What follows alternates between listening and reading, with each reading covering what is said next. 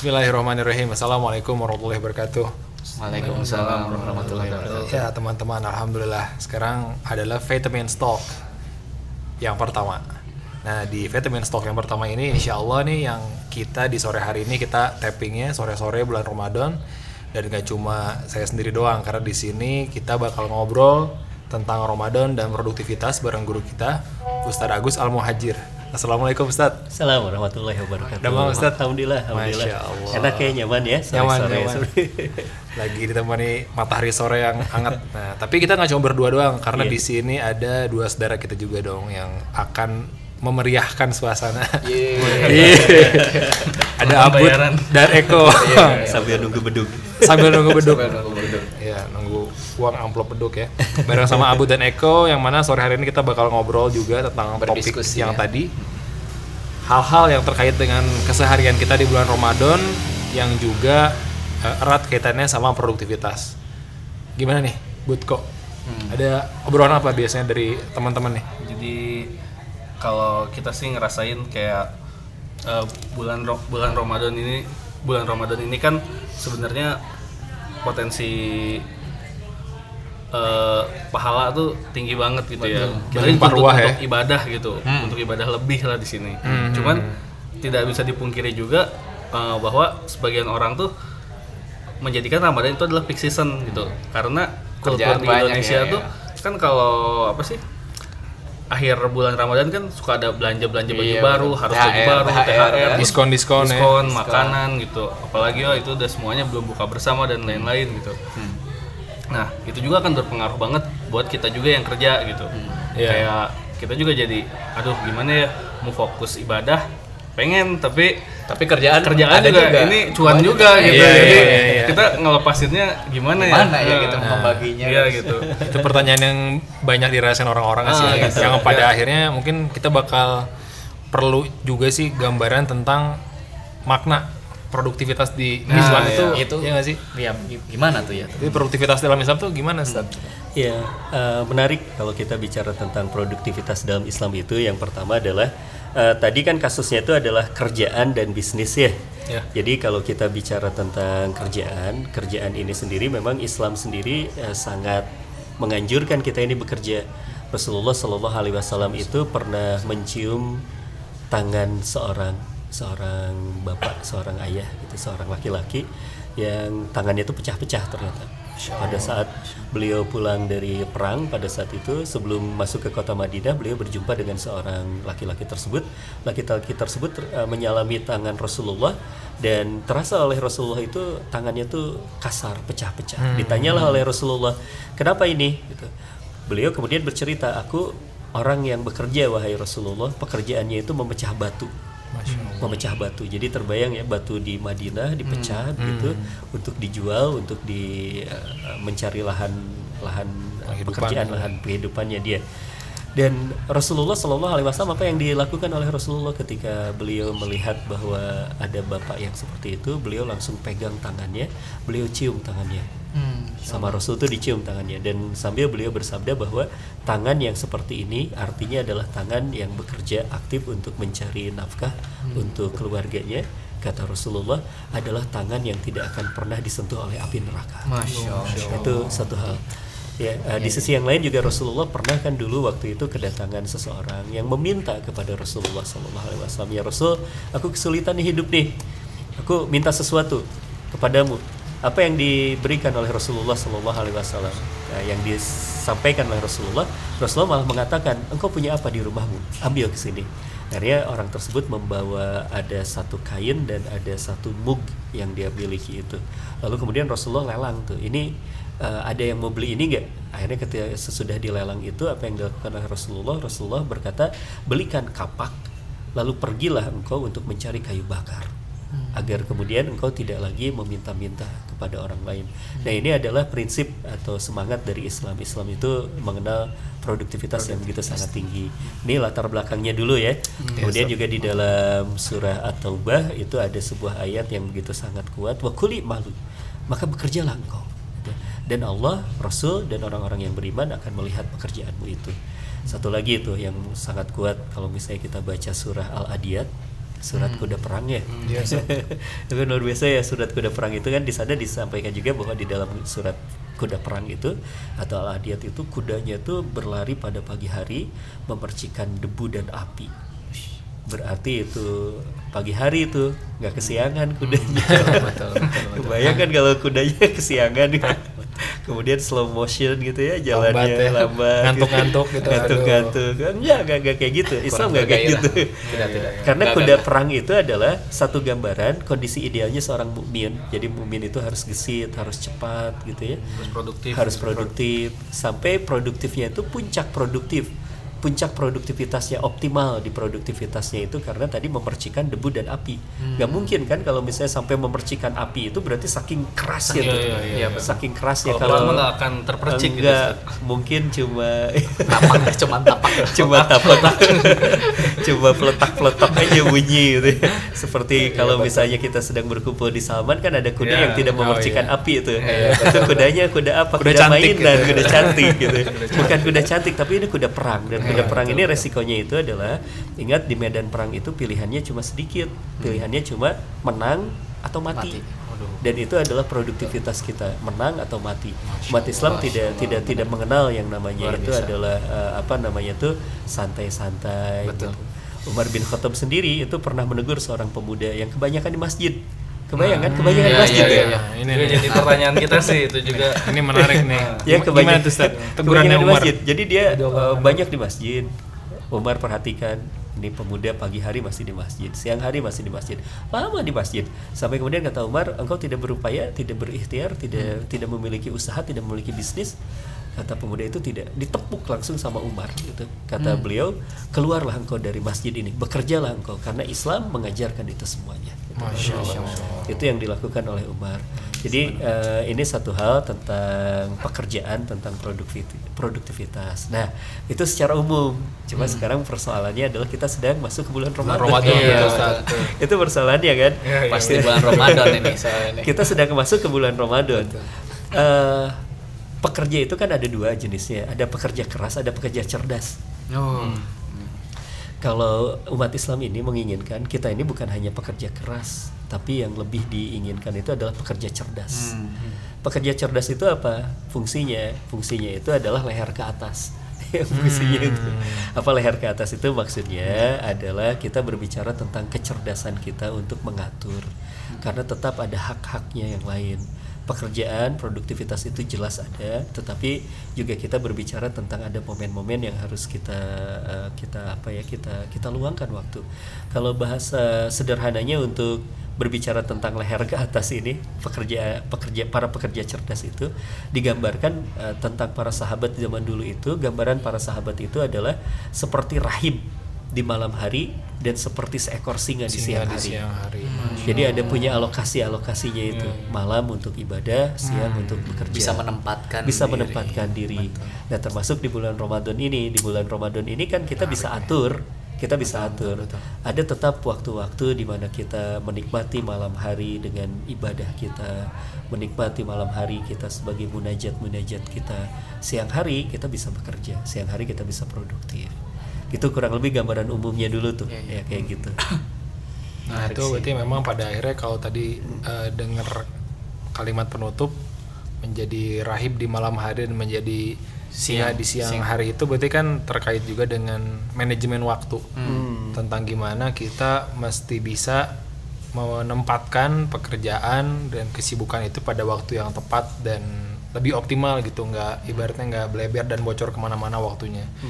Nah tapi tadi saat kalau misalnya secara bulan Ramadan nih saat itu gimana caranya sih supaya kita tuh bisa eh, menempatkan dengan tepat mana urusan pekerjaan dan mana urusan yang beribadah di saat sebagian orang mungkin tadi udah sempat diceritain sama Abu sih karena mungkin Ramadan itu akhirnya Idul Fitri yang identik sama THR, Ya, pulang iya, kampung, pulang hari kampung. raya, ketemu keluarga dan lain-lain. Itu jadi kayak semacam ajang pembuktian buat sebagian orang untuk ayo kita harus mencapai sesuatu supaya nanti di akhirnya kita bisa Menikmati. meraih kesejahteraan yang lebih. Jadi Nah, tujuan utamanya tuh untuk menikmati akhirnya gitu. menikmati akhir lebaran Ya, maksudnya Lebaran. Nah, bukan, itu dia. Bukan menikmati Ramadannya gitu. iya iya iya Ya, eh, satu hal yang harus kita tadi em, kita luruskan dulu sebentar bahwa kalau kita bicara tentang Islam ini, pekerjaan kita juga bagian dari ibadah. Pekerjaan bagian dari bahwa ibadah. bekerja itu juga ya ibadah Bekerja itu adalah ibadah. Bekerja itu ibadah, bagian dari ibadah. Sehingga nanti kita bicara tentang ibadah itu eh, di sana tidak tidak kita pisahkan ya ibadah yang namanya pekerjaan dengan ibadah itu tidak kita pisahkan. Eh, pekerjaan tadi kan di tadi kita sudah membahas tentang Rasul, membahas tentang Umar dan sebagainya. Itu berarti bagian dari eh, sumuliyatul Islam, bagian dari keutuhan Islam ini adalah pekerjaan. Bisnis itu ya harus kita tuh berdaya tuh harus gitu ya. Bagaimana kemudian juga kalau misalnya kita baca lagi sejarah, bahkan seluruh nabi dulunya itu adalah pekerja. Satu.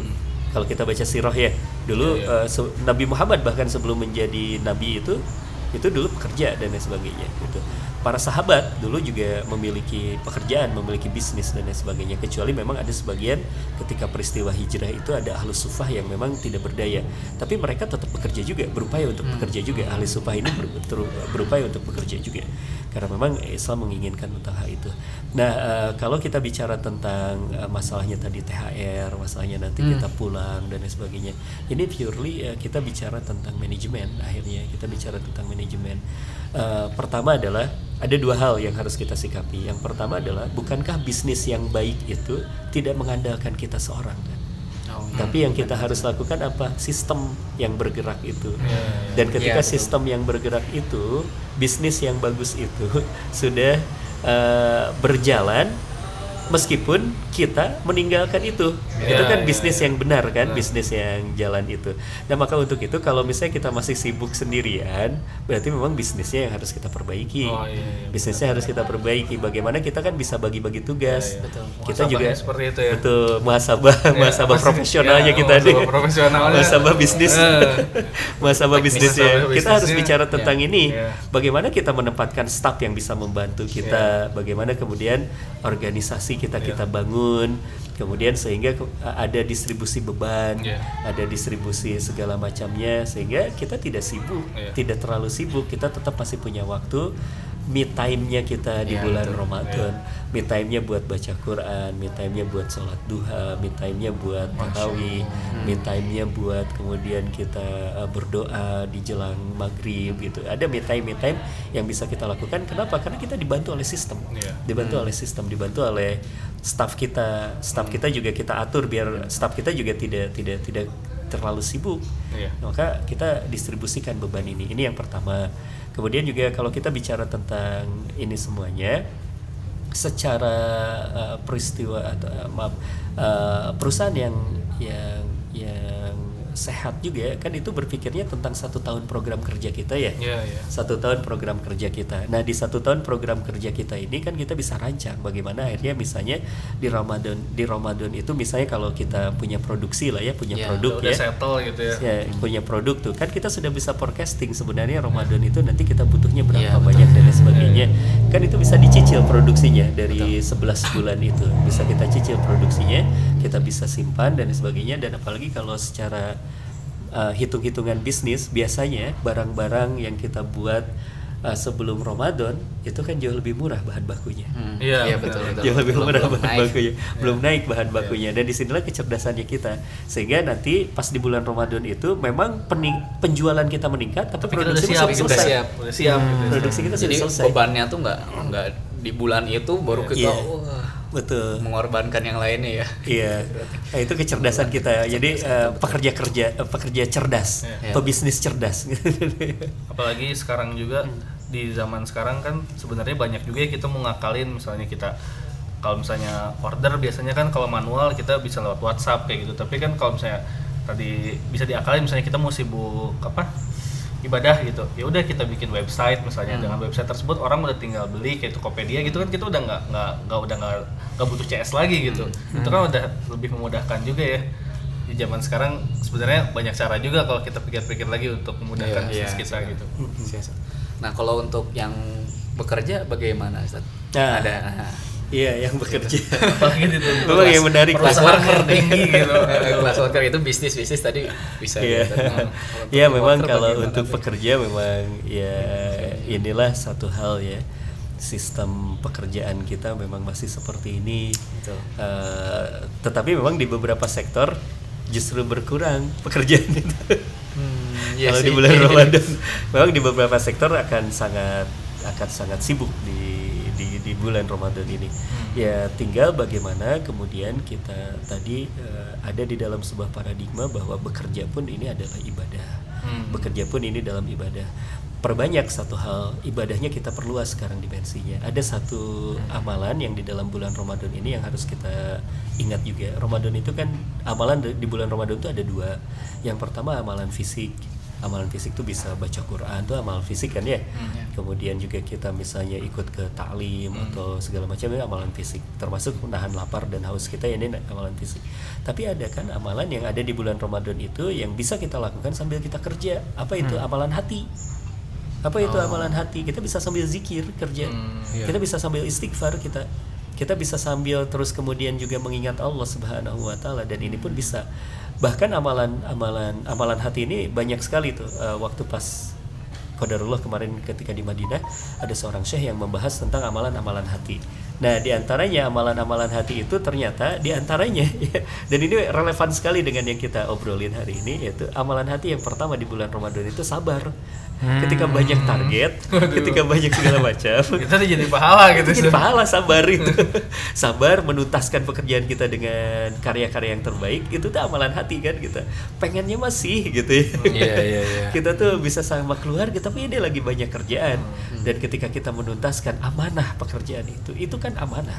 Dan ketika itu diamanahkan kepada kita lalu kita tuntaskan dengan uh, sempurna dalam sebuah kesabaran ya Allah ini adalah pengabdianku menghasilkan produk-produk yang produk ini menjadi produk yang insya Allah uh, diterima oleh masyarakat Bermanfaat atau gitu ya, bermanfaat dan pekerjaan ini adalah menuntaskan amanah. Karena pada pada intinya buat kita sebagai seorang pekerja muslim uh, ketika kita bertransaksi dengan sebuah perusahaan kita menjadi seorang pekerja itu kan bukan hanya penunaian tugas kepada si owner atau kepada manajemen tapi ini penunai penunaian tugas bahwa kita janji kepada Allah Subhanahu wa taala. Transaksinya kan kepada Allah menuntaskan pekerjaan profesional kita itu juga adalah bagian dari amalan hati kita dan itu sabar amalan hatinya gitu. bisa tuh niat ya. meluruskan niat Dan gitu. emang tadi sih salah satu bagian yang paling penting itu sebenarnya pada akhirnya Ramadan ini nggak membuat seorang muslim banyak bikin alasan gitu loh sebenarnya. Jadi kayak karena waktunya pendek nih cuma satu bulan, Iya. keberkahannya banyak. Event dari katakan tadi kita ngomongin pebisnis, orang yang kerja harus pinter-pinter nyari celah gitu loh. Betul. Kayak ini kira-kira harus bikin perencanaan bahkan teman-teman kita juga kan mungkin ada kan yang dari sebelum Ramadan tuh udah set up Iya, betul. program Ramadan gue tuh mau ini ini ini ini ini dan mereka secara cerdas menempatkan gitu oh berarti kalau misalnya kan kita juga udah sama-sama tahu katakanlah mau satu bulan mau hatam Al-Quran berapa kali Iya, iya. berarti baca tilawahnya beberapa kali udah terprogram Terprogram ya jadinya ya. Fokus kapan aja Nah, gitu ya. nah itu di antara salah satu poinnya. Tapi mungkin salah satu yang menarik juga nih dari obrolan tentang eh, Ramadan ini kan tadi kita sempat bahas nih tentang yang namanya target, terus juga eh, pekerjaan itu nanti biasanya kita bakal terkait dengan 10 hari terakhir nih. Nah ini 10 hari terakhir ini jadi kayak semacam apa ya? Jadi kayak tanjakan terakhir nih kalau misalnya kita mau Krusial lagi gitu ya. hiking krusial banget, momentum penting pada saat di satu sisi biasanya 10 hari terakhir ini identiknya sama THR ya. Iya. Yang kedua kalau di mall ini biasa identik sama Diskon. Diskon. diskon dan Diskon, midnight midnight sale. sale. Iya, midnight sale. Nah, Lo mudik. Juga belum belum gitu. mudik kan bukber ya kan bukber. ditambah lagi yang paling utama justru kan ini kan sebenarnya jadi momentum yang paling tepat, dan Tepat. penuh keberkahan buat itikaf Iya. nah ini apa jangan-jangan maksudnya kita sendiri juga kayak ngerasa bahwa apa yang udah kita peroleh Hmm. dalam bentuk rezeki selama 11 bulan atau bahkan di bulan di awal Ramadan udah da- dapat banyak kita ngerasa nggak cukup itu gimana tuh Ustaz kalau Hmm. Iya, secara itu. pemikirannya gitu me- menyikapi apa ya mungkin kerakusan mungkin ya. Iya. Jadi eh, saya ingin menjawabnya itu dengan sebuah cerita. Ya, Ceritanya tuh kayak gini lucunya tuh ya. Ada kan ada seorang eh, punya ayam. punya ayam disuruhlah sama ibunya itu, "Nak, tangkap ayam itu." Dikejar-kejar ayam tuh. Nggak ketangkep. Karena dikejar-kejar terus nggak ketangkep. Semakin panik ayam itu karena dikejar-kejar Iya. terus, semakin panik ayam itu. Makin cepat larinya, makin jauh dia. ibunya tuh ketawa aja sini kamu duduk sini duduk sama ibunya kemudian apa yang dilakukan sama ibunya itu ibunya tuh bawa beras ditaburin ayamnya datang tangkep Hmm. satu hal Kayak nangkep ikan pakai pelet. Mancing. tangkep langsung gitu ya dan tidak perlu capek-capek kita bahwa ada satu hal yang sangat menarik berkenaan Menarik sih, dengan menarik, menarik. tentang itu adalah tentang paradigma rizki rizki itu dari siapa Hmm. rizki itu kan bukankah dari Allah terus kita mau ngejar-ngejar rizki sementara kemudian Allah sudah ngasih sebuah malam 10 malam Masya itu di mana malam itu doa-doa kita dikabulkan terus kita malah pergi kan aneh Bener. Gitu. Jadi jadi kesepet. Iya. kayak kita malam-malam tuh yang harusnya itikaf kita malah ke midnight sale gitu. Iya. Padahal kenikmatannya tuh ada di kita tinggal minta ke Allah gitu ya. Iya. Kan Kan Siapa tahu kita setelah lebaran kita dapat gitu ya. Gini-gini yang di situ, menariknya gitu. midnight sale itu kan ngejarnya karena kita nganggap harga murah ya Iya. tapi kalau uang kita banyak mahal juga nggak apa-apa Masya Nah, Iya. kenapa kita nggak minta re- dapat rezeki yang Rezeki. banyak gitu Iya. untuk bisa mendapatkan itu gitu Gak ya. usah yang sel-sel lah yang mahal juga. Oh, udah kaya Bener udah ya, itu mindsetnya harus Mindsetnya dirubah harus sih dirubah itu. nih kita nih. yang penting kita tidak kehilangan sebuah malam yang mahal Nah, malam iya. yang mahal itu adalah 10 malam terakhirnya itu gitu. nggak apa-apa kita harga normal yang penting kita tidak kehilangan itu karena nanti pasti akan diganti Dalam sih. Itu kayak midnight sale untuk ibadah. Nah, itu bakal dapat banyak, menang banyak. midnight sale sebenarnya tuh pahala sebenarnya Pahala, Lagi iya, di- pahalanya lagi lagi dijual dijual gitu kan. banyak. kayak ayo kita beli kita ambil kita gitu ya. ambil.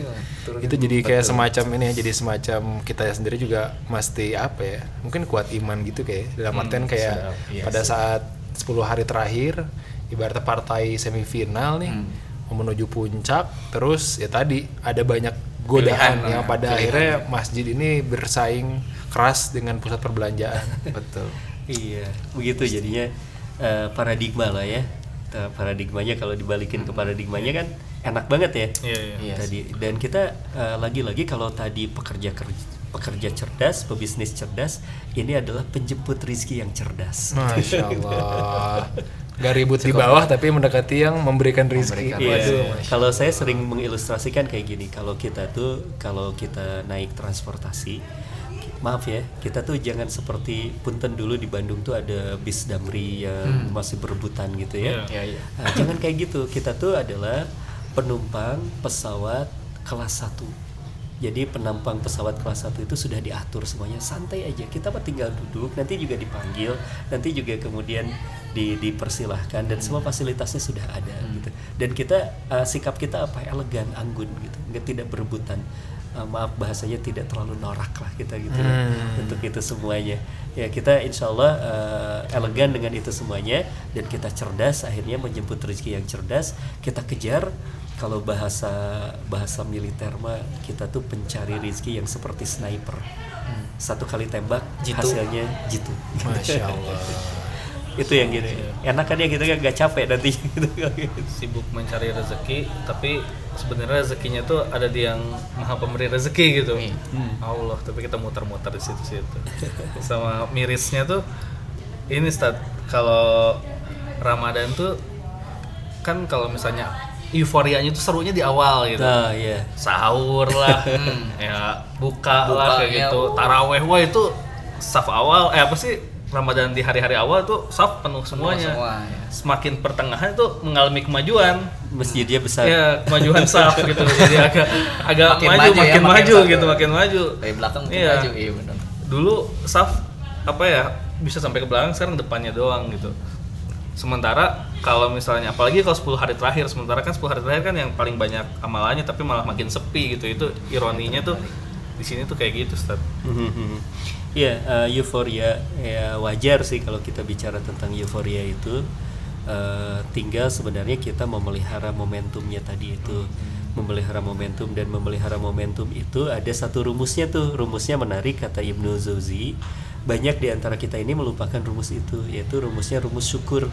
Kalau kita sudah berhasil dalam sebuah ketaatan itu, misalnya hari ini nih, kita- hari ini sudah hari keberapa, kita masih bertahan tuh masih tarawih di masjid, masih apa kan jarang di antara kita yang pas pulang ke rumah teh kemudian kita bersyukur kepada Allah ya Allah alhamdulillah engkau masih Aduh. uh, hadirkan aku ke masjid masih mampukan ke Dimudahkan masjid langkahnya. dimudahkan langkah ke masjid jarang Tidak- sekali orang tidak yang dicabut bersyukur itu. imannya gitu ya, iya. Ustaz. Aduh. jarang sekali kita bersyukur seperti itu benar-benar sehingga kemudian ini kita jadinya nggak dapat satu janji dari Allah lain syakartum la azidanakum Hmm. barang siapa engkau bersyukur kepada Allah maka Allah akan menambah nikmat ini yang lupa Iya, iya. itu jadi terjebak ke euforia tuh sebenarnya nggak apa-apa tapi harusnya kita kita kejar Maintain dan, euforianya maintain itu ya. itu dengan rasa syukur kitanya menyikapi setiap ibadah itu adalah kenikmatan, kenikmatan sebenarnya dan ya. itu given harus uh, ini kado dari Iya, Allah iya. ini hidangan dari Allah gitu. pemberian dari Allah kita harus syukuri gitu dan sehingga kita menjadi kalau ini aduh alhamdulillah ya Allah. Ditambah lagi kita alhamdulillah lagi ditambah lagi alhamdulillah lagi. Makan makin makin hari Ramadan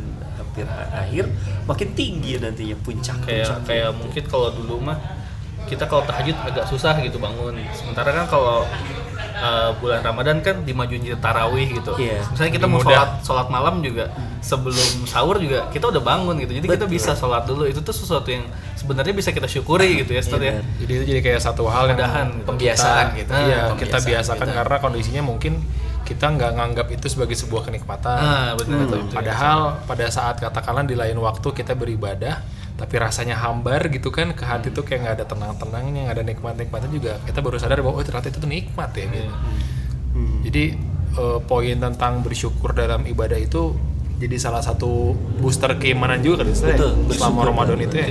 kita juga harus menjemput apa ya menjemput hidayah mungkin ya Ustaz kayak kita mencari tempat-tempat gimana kita bisa menikmati ibadah gitu Iya. maksudnya di masjid misalnya di masjid sini masjid rumah kurang kurang cocok gitu ya mungkin kita cari ah, Qadarullah kan sekarang majelis ilmu di Banyak, Bandung setiap ya. hari ada di berbagai masjid. Cari yang pas dengan cari yang pas hati, sama hati gitu kan gitu. nikmat. itu juga harus kita kejar juga ya Ustaz ya? Ya itu uh, perlu kita kadang-kadang perlu untuk awal-awal untuk Iya, iya, maintenance untuk, ya ah. dan lain sebagainya karena memang jiwa kita tuh kan menginginkan keindahan gitu. Iya, iya. kan kita enak banget tuh kalau ada imamnya tartil, Iya. bacaannya bisa sampai nangis gitu ya Ustaz ya bisa sampai nangis kan enak gitu ya kita Padahal nggak tahu itu artinya apa gitu. Tapi kenapa bisa khusyuk masuk ke dalam hati gitu dan nangis gitu. Emang cengeng aja kali ya. Atau ingat pinjaman gitu, mungkin beda tipis. Atau itu ayatnya tentang dosa mungkin sama saya. Banyak dosa. ya tapi nggak apa-apa itu itu untuk awal-awal meskipun nanti pada pada pada realitasnya kita kan tidak bisa mencari lingkungan yang kondusif terus ya Hmm. pada satu saatnya nanti eh, tidak apa-apa untuk awal-awal untuk ya kita butuh me time-nya itu ya me time-nya perlu lah kita cari majelis yang enak tempat sholat yang nyaman dan sebagainya untuk refresh Salah satu cara kita. untuk mengkondisikan hati dan iman gitu ya. betul Nah, nyambung dengan refresh nih Ustaz. iya Biasanya mungkin Ustadz sendiri punya tips and trick atau mungkin ngobrol dengan sesama para guru nih Ustadz. Biasanya menyikapi siklus harian gitu Ustadz, pola perubahan waktu, Ya. terus dan lain-lain itu gimana sih Ustadz? Ya. Kalau misalnya kalau misalnya saya pribadi sih Ustadz, satu di antara beberapa tips kecil sih kecil ini remeh mungkin adalah misal nih itu bawa sikat sama pasta gigi di tas pengganti siwak kan kalau siwak kan nyunah ya Saya yang cuma dalam artian sih. Listerine Nanti diedit ya. obat kumur, obat kumur ya. kumur, obat Obat kumur. Nah, maksudnya dalam artian mau di endorse. kalau tengah hari itu kan biasanya mulut tuh asam banget Iya. tuh. Itu Iya. kan jadi aduh nggak enak supaya lebih positif itu sikat gigi tengah hari yang seger. Itu apa ya biasanya saat kalau boleh di bagi sedikit nih tips and triknya saat siklusnya ya Iya. Iya, memang kalau kita bicara tentang siklusnya ini kan banyak hal yang bisa kita akali. Tadi sebenarnya eh, kalau dalam Islam ini, terutama misalnya kita jika ada seseorang yang mengambil mazhab Imam Hambal, siwak itu wajib. Wajib, Bersiwak ya? itu di setiap di setiap waktu sholat itu termasuk yang mustahab dianjurkan gitu ya. Dan siwaknya pakai siwak kayu Oh, pakai iya. siwak kayu itu. Kenapa pakai siwak kayu? Karena kalau di mazhab Syafi'i nanti ada sesa- ada satu hal di antaranya kalau di mazhab Syafi'i eh, kalau kita memakai odol atau pasta gigi itu selepas zuhur itu makruh masuknya di di Syafi'i itu. Tapi kalau di eh, yang lainnya tidak apa-apa. Nah ini menjadi satu hal yang harus kita akali terlebih dahulu satu. Kemudian yang kedua eh, sebenarnya kalau kita ingin menyikapi tentang hal ini dengan satu hal saja yang paling pentingnya itu yaitu eh, memandangnya itu dengan keimanan. Begini, kalau Allah sudah mensyariatkan sesuatu pasti ada kebaikan. Ya betul. Kalau Allah sudah mensyariatkan sesuatu, pasti tidak akan rugi. Kalau Allah men- mensyariatkan sesuatu, pasti tidak ada keburukan untuk itu semuanya, gitu ya. Nah, ini eh, lebih lebih mendamaikan sih, gitu ya. Eh, kalaupun misalnya apa pun terjadi, misalnya mulut kita menjadi tidak nyaman, nah, ini kan bagian dari ibadah. Mulut yang tidak nyaman ini kita sikapi dengan ini adalah pemberian dari Allah dan ini adalah juga bagian ya. dari ini ya. Nikmati rasa saja. lapar gitu ya. Rasa lapar. gitu.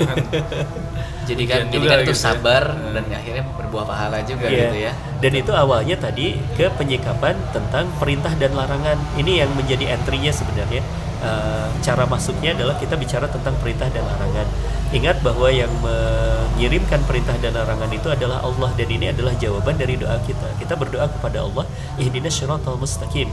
Kita meminta kepada Allah jalan uh, yang lurus ya kita minta petunjuk kepada Allah Subhanahu wa taala dan Allah menjawabnya. Dengan apa menjawabnya? Kutiba alaikumusiyam salah satunya. Dan aku tetapkan untukmu adalah saum.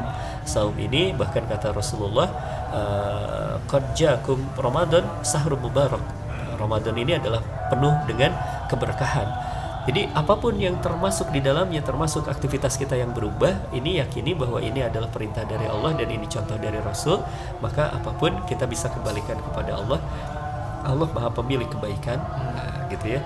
Apalagi kalau misalnya kita bicara tadi tentang perubahan siklus eh, hidup kita Iya. Sebenarnya yang harus kita tanyakan berarti yang benar itu yang kita bulan Ramadan yang sedang kita lakukan. Ya yang kemarin itu yang salah gitu. Aduh. jadi jadi ini tuh siklus hidup yang siklus yang semestinya benar sebenarnya. orang-orang soleh lakukan tuh yang ini.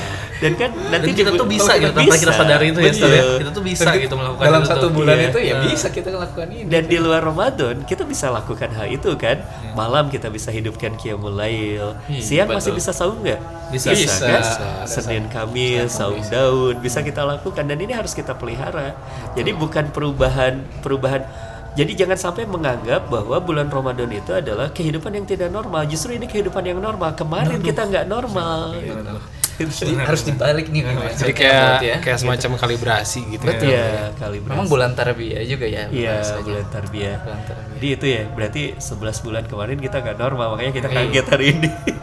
Memang sudut pandang itu tuh harus dibalikin dulu ya. nih sudut pandang kita tuh. Benar, benar, benar. Luar biasa. Jadi memang ya itu jadi salah satu keutamaan juga sih keutamaan dari bulan Ramadan di samping memang ada begitu banyak keberkahan yang Allah curahkan di bulan ini. Ternyata hikmahnya juga sedemikian luar biasa sih. Dari mulai manajemen waktu, manajemen prioritas, terus untuk bisa bekerja dengan cerdas, termasuk yang terakhir tadi bahwa ternyata tanpa kita sangka Ramadan ini jadi sebuah momen kalibrasi. Yang akhirnya nanti di Syawal pas Idul Fitri ini nggak cuma lebih dari sekedar kemenangan dalam artian yang sebenarnya tapi ternyata kita nggak sadar tuh sudah melewati satu proses pendidikan gitu loh Iya. selama satu Nah, bulan nah ini eh, ada nggak sih Sat, yang perlu kita waspadai sebagai kaum kaum yang sedang produktif produktifnya gitu Sat ya di bulan ini di mana kita harusnya meningkatkan gitu dan tapi kita tuh malah tergelincir dalam lalai gitu Sat. Hmm. Nah itu bagaimana itu Sat? Menyikapi Tergerincir dan melalai gitu ya. ya misalnya jadi sholatnya melayang gitu masih gitu-gitu juga. Iya. gitu, dan misalnya. Ini yang saya khawatir. Ini yang saya khawatir justru. Karena di dalam sebuah hadis yang diriwayatkan oleh Imam Ahmad itu ketika Rasulullah mengumpulkan para sahabat, ada satu hal yang saya khawatir itu. Karena di ujungnya itu Rasulullah menyampaikan barang siapa yang terhalang dari kebaikan Ramadan, artinya pas orang lain lagi lagi sprint nih kita nggak Iya, iya. sprint ketika orang lain sedang itikaf kita nggak itikaf. Ketika orang lain sedang panen sedekah dia sedekah terus Sedang gitu ya asik ngeluarin- baca Quran. sedang asik baca Quran kita nggak berminat sama sekali. Itu disampaikan oleh Rasulullah. Maka bagi orang itu tidak ada kebaikan sama sekali dan akan tertutup pintu kebaikannya sama sekali gitu sepanjang kehidupannya kalau Ramadan belum bisa merubah seseorang, belum bisa kemudian kita jadikan momentum untuk perubahan, maka kita nunggu apa lagi? nggak nggak ngait sedikit apalagi gitu ya? Apalagi kalau gitu. Ramadan nggak nggak bisa mengubah tuh terus butuh pakai apa lagi gitu. Udah pakai apa lagi? kayak gaya gaya, gaya bahasa ya Ustaz tadi. Iya. Kalau ini aja nggak cukup. Terus antum butuh apa lagi? Butuh apa lagi kalau Ramadan aja? Aduh astagfirullah. Semoga Mungkin kita tinggal nunggu satu. Kalau Ramadan tidak mampu merubah kita, kematian. Itu lebih berat kan? Allah dan udah nggak ada waktu berubah lagi Ustaz ya Saya kalau itu sudah tidak bisa berubah lagi susah. penyesalan Pamitan. penyesalan yang tidak bisa disesalkan lagi Insya Allah. Nah berarti kalau mungkin poin terakhir saat sebelum Iya. kesimpulan itu katakanlah misal nih kalau dari lingkungan wirausaha gitu saat Mm-hmm. bisnis katakan kayak tadi kayaknya ada Ada berbagai sedikit fenomena hikmah gitu nih ya. Ustaz. ada hikmah tentang penjual toge itu gimana? Iya. iya sama yang kam- kemarin katanya ada penjual bakso, bakso itu gimana juga Ustaz? gitu Jadi ada ada beberapa hal yang saya menarik itu tadi tentang manajemen sebenarnya. manajemen Ustaz ya Karena yang menariknya itu yang kemarin Qadarullah saya pergi umroh itu menemani ada salah satunya itu adalah pemilik kedai bakso. Pemilik kedai bakso. Saya berkata ke beliau itu, "Pak, kok bisa ya? Eh, ini pergi dan sebagainya beliau cerita manajemen yang sangat luar biasa. Kemudian yang bikin saya kaget itu saya tanya lagi terus kedai ditinggalin dong selama ini? Tutup pak.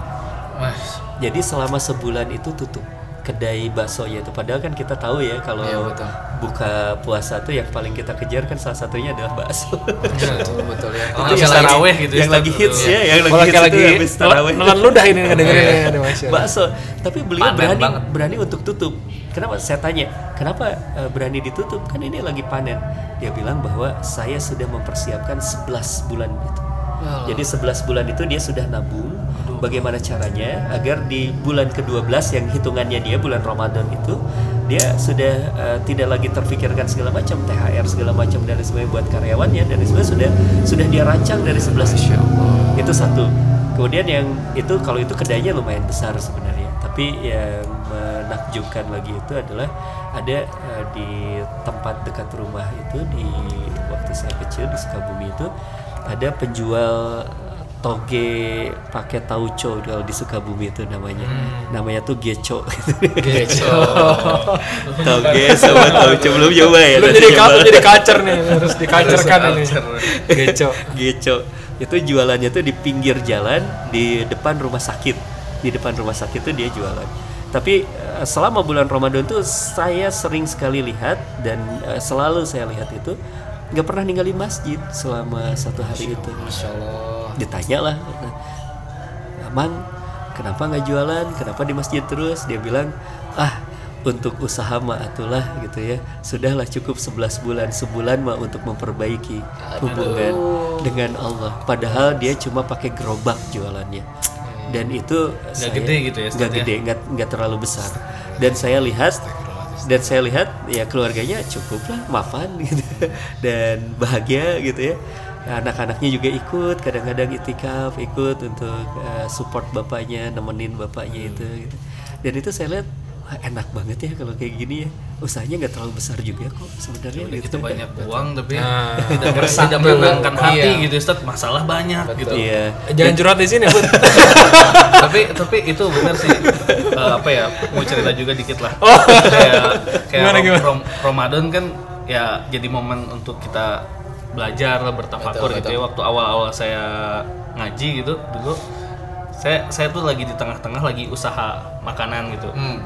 Tapi usaha itu lagi tutup gitu lagi mau bukaan Ramadan lagi saya pikir mau ah buka lagi ah soalnya pasti rame nih. Tapi itu tuh saya lagi pengen ngaji gitu lagi pengen ngaji ngajinya. Jadi ketika udah apa kayak gitu kan galau ya mau milih ngaji atau memilih ya mau milih Dagang. kajian atau mau dagang gitu.